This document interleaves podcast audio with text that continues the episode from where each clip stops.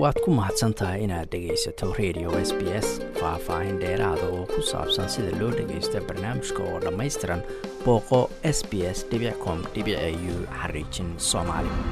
iyadoo oo xarumaha baadhista covid nnteenka ee dalka oo dhan ay buux dhaafeen ayay mas'uuliyiintu ku boorinayaan in dadka rapid antigen testiga iskaga helay caabuqa. Astaamo aan sidaa u xumayna isku arkay ay la xidhiidhaan dhakhtarkooda halkii ay ka booqan lahaayeen xarumaha baadhitaanka ee p c r-ka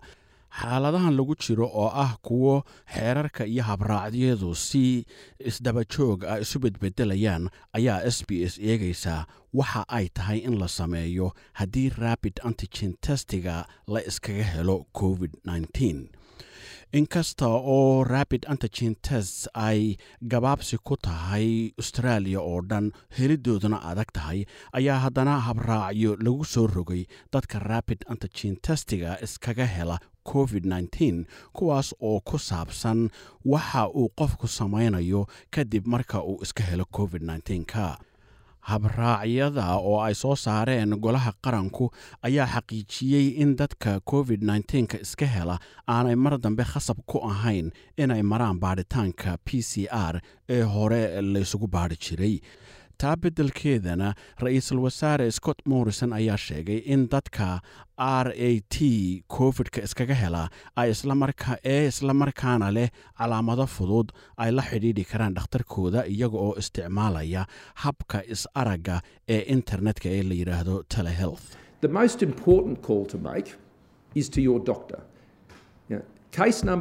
wicitaanka ugu muhiimsan ee aad samayn kartaa waa ka dhakhtarkaaga. tirada kaysasku sidaas muhiim uma aha. Muhiimaddu waa in daryeel la helo dowladda dhexe. waxay dadka ku taageertaa telehealth si ay u helaan talo caafimaad oo ku saabsan sida ay caabuqooda guriga ugu baanan lahaayeen oo haddii ay sii xanuunsadaan ay kaalmo dheeraada u raadsan lahaayeen. Marka dadka covidku hayo waa waxaa ugu muhiimsan inay ku xidhmaan daryeel ayuu yidhi. Dadka iska hela covid-ka waxaa weli shuruud ku ah in ay isxanibaan toddoba maalmood oo ay islamarkaa u digaan dadkii ay la kulmeen ama ka ag dhowaayeen madaxa sare ee royal australian college of gps dor karen price ayaa sheegtay in nidaamkan cusub ee dadka covidka ku dhaca ku wacayaan dhakhtarkooda uu caqabado ku keeni karo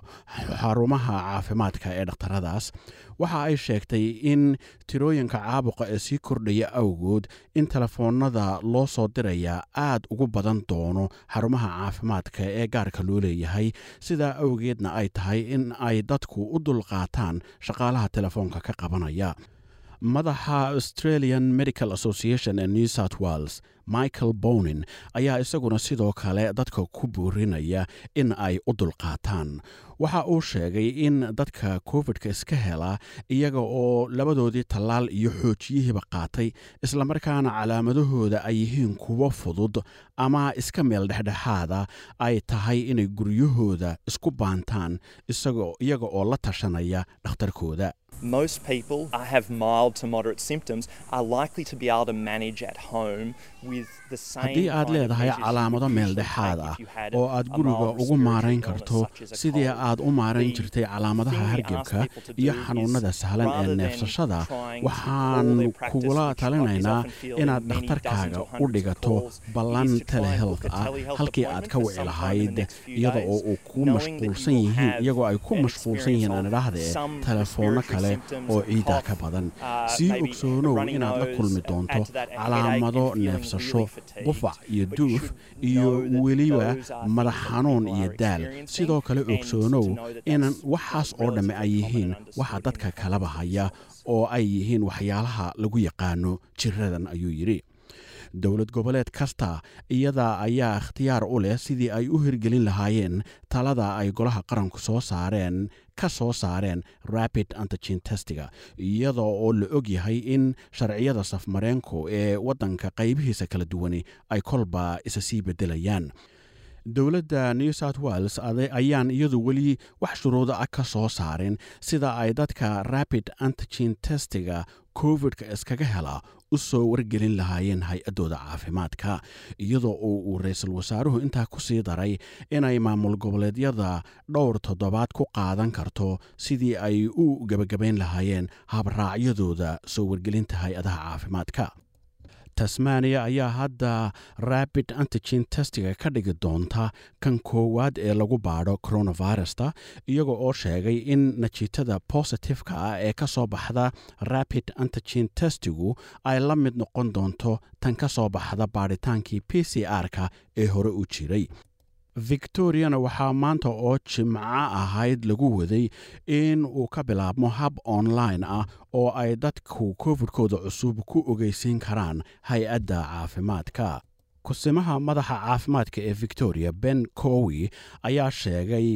qof kasta oo isku baadhay rabid antigen test oo covid iska helaa inuu la xuquuq yahay qof kasta oo kale oo covid iskaga helay p c r testiga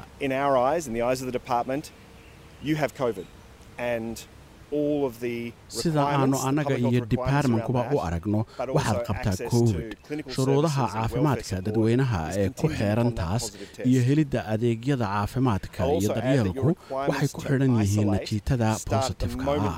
waxaan intaa ku darayaa in shuruudda xanibaadaadu ka bilaabanto aminta aad rapid people from doing antigen this, but if you testiga choose ka aragto to inaad qabto covid haddii aad u baxayso inaad ku sii xaqiijiso p c r test. Inkastoo aanan kugu allowed to waa safarka keliya ee aad geli karto inta aad ku jirto COVID-19. xanibaadda laguma ogola inaad aaddo dukaamada lagumana ogola inaad baxdo oo booqato dad. Xanibaad baad ku jirtaa waayo waxaad qabtaa covid ayuu yidhi south australia ayaa sheegtay in najiitooyinka bositifeka ah ee rapid antigen testiga ay ku dari doonaan tirooyinka maalinlaha ah ee kaysaska covid dhinaca kalena wasiirka northern territory michael gunner ayaa sheegay inay haystaan baadhitaanada p c r oo ku filan. Sidaa awgeedna aanay hadda qaadan doonin nidaamkan cusub ee r a t da dowladda queensland waxa ay sheegtay in ay hadda gacanta ku hayaan nidaam cusub oo online ah kaas oo ay dadku hay'adda caafimaadka ku soo ogeysiin karaan marka ay iska helaan covid wasiirka caafimaadka ee queensland yved dath ayaa dadweynaha reer queensland u sheegtay in ay raacaan habraaca r t s-ka oo aanu qofna aadin xarumaha baadhidda p c r-ka iyo gargaarka deg dega ee cisbitaalada ilaa uu aad u xanuunsan yahay mooye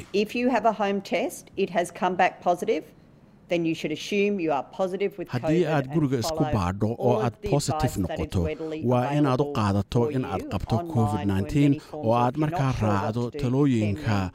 online-ka 134 iyo qaababka kaleba lagu helo. haddii aadan hubin waxa aad samayso waxaad wici kartaa oo department weydiisan kartaa nambarka hal saddex afar covid. are ha wicin needing natiijada positifeka ah keligeedna ha u aadin gargaarka deg deg ah cisbitaalada ee cisbitaalada haddii aanay ku haynin jiro daran oo aad daaweyn ugu baahan tahay. Dadka raba in ay isbaadhaanna sidaas oo kala laga raba ayay tiri waxaase hal mar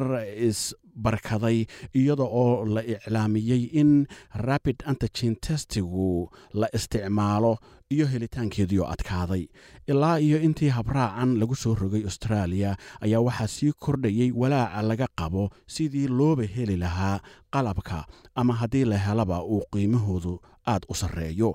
Professor tony blakely oo ka tirsan university of melbourne xeel dheerana ku ah cudurrada faafaa ayaa sheegay inuu fahamsan yahay ujeeddada isbeddelka oo ah in culayska laga khafiifiyo goobaha daryeelka caafimaadka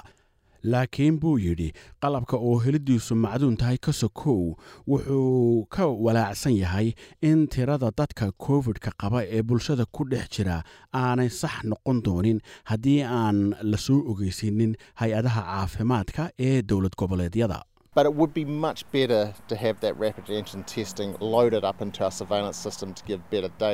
Rapid aad bay u wacnaan lahayd haddii natiijada rabid antigen test la geliyo nidaam laga arko oo bixiya macluumaad wacan. waxaynu si wacan u ognahay in shan iyo soddonka kun ee kays ee new south wales ka soo baxay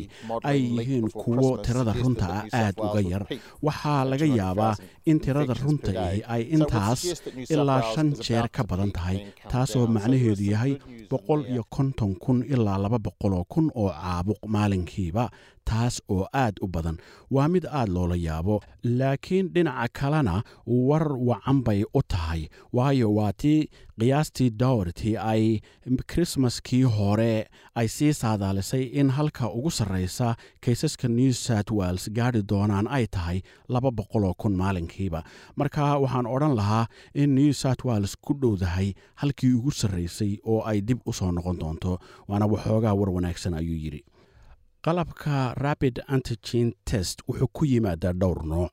Noocee ayay tahay haddaba in uu iibsado qofku. Dor alexandra martinuki waa profesoorad ku takhasustay cudurrada faafa kana tirsan kuliyadda caafimaadka ee jaamacadda university of sydney waxa ay sheegtay in macluumaadka saxda ah ee la ansixiyey laga heli karo website-ka hay'adda australia u qaabilsan daawooyinka ee la yidhaahdo therapeutic goods administration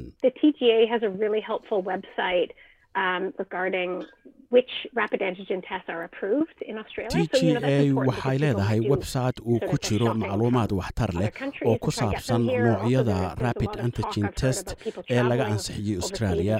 taasi waa muhiim waayo waxaa dhici karta in dadku ka soo iibsadaan waddamo kale oo ay waddanka soo geliyaan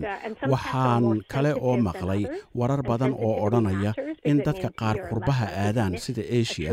oo ay qalab badan oo xagga raqiiska ah ka soo dhoofiyaan laakiin waxaa laga yaabaa in aanu qalabkaasi ahayn mid austraaliya laga ansixiyey. Dareen fududaantu waa muhiim waayo waxaa kaa yaraanaya fursadda uu kaaga dhuuman lahaa cudur dhab kuu hayaa marka waxaad u baahan tahay in aad isku baadho qalab dareen fudud. Website-ka t g a ayay ku jirtaa sida ay u kala dareen fudud yihiin warbixintaana waxaa s b s news u soo diyaarisay peggy jaya comolos waad ku mahadsantahay inaad dhegaysato raadiyaha s b s toos u dhegaysa barnaamijka habeenada arbacada iyo jimcada tobanka fiidnimo. Ama kaga soo cesho website-ka iyaga iyo s b s radio app. Booqo s b s com au xariijin soomaali